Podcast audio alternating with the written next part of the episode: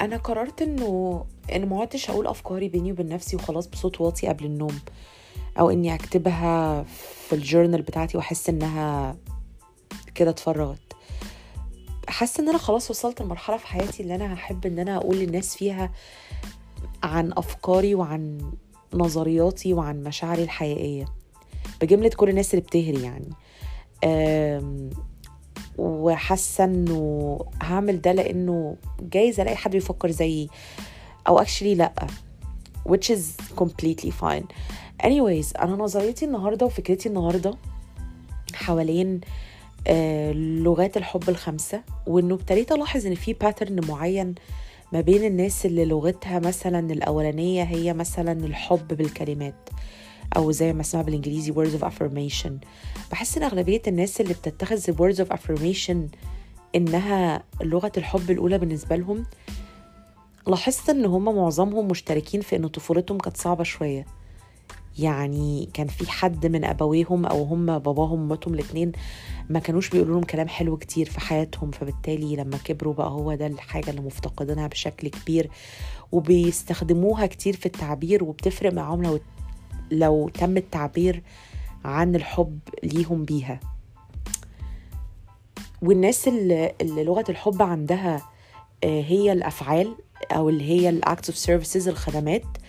usually تبقى الناس اللي اللي حصلت على حب ورعاية واهتمام كويسين من أبوهم وأمهم وبالتالي هم فاهمين كويس قوي إنه الحب بالكلمات أو الكلمات إلى حد كبير بالنسبة لهم لا تعني شيء على الإطلاق. وإن الأفعال هي الأحسن. ويوجولي إن الناس اللي من النوع ده دايما بيندب في علاقات سالكة أو علاقات بيقدروا يعبروا فيها عن نفسهم بكل جرأة وشجاعة وارتياح. وعلشان هما بيقدروا يعبروا عن نفسهم وأفكارهم بكل شجاعة و- وارتياح فيوجولي they end up with the right people who match them very well. والناس اللي بتعمل مجهود جبار عشان يحبوهم. مش الناس اللي زي كده ال words of affirmation هي لغة الحب الأولى عندهم فبالتالي بينساقوا ورا كلام أي حد عموما بيتقال لهم بس أنا حاسة دلوقتي إن أنا في علاقة مع حد لو هسجلها في في كتاب حياتي عين هتبقى تحت عنوان آه الرجل الذي علمني أن words of affirmation is bullshit أو إن الحب بالكلام هو هراء آم، ف فحاسة إن هو هيبقى هو الفصل ده. آه، لأنه بيقول كلام كويس جدا وأنا بقع تحت الكلام. لكن بالنسبة للأفعال ما بيعملش أي حاجة خالص. ف...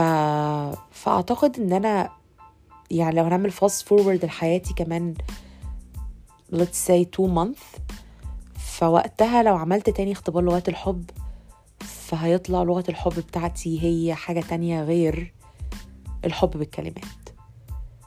آه، اللي عايزة أقوله كمان بما إني بتكلم إن أنا حاسة إني واقعة في حاجة وعلاقة توكسيك بس مش عارفة آه، أسلت نفسي منها وحاسة إني مش عايزة أسلت نفسي منها وده بيخليني شوية أتعاطف مع الناس اللي بتقع في علاقات toxic ومش عارفة تطلع منها وابتديت أخيرا أفهم هم بيحسوا بإيه.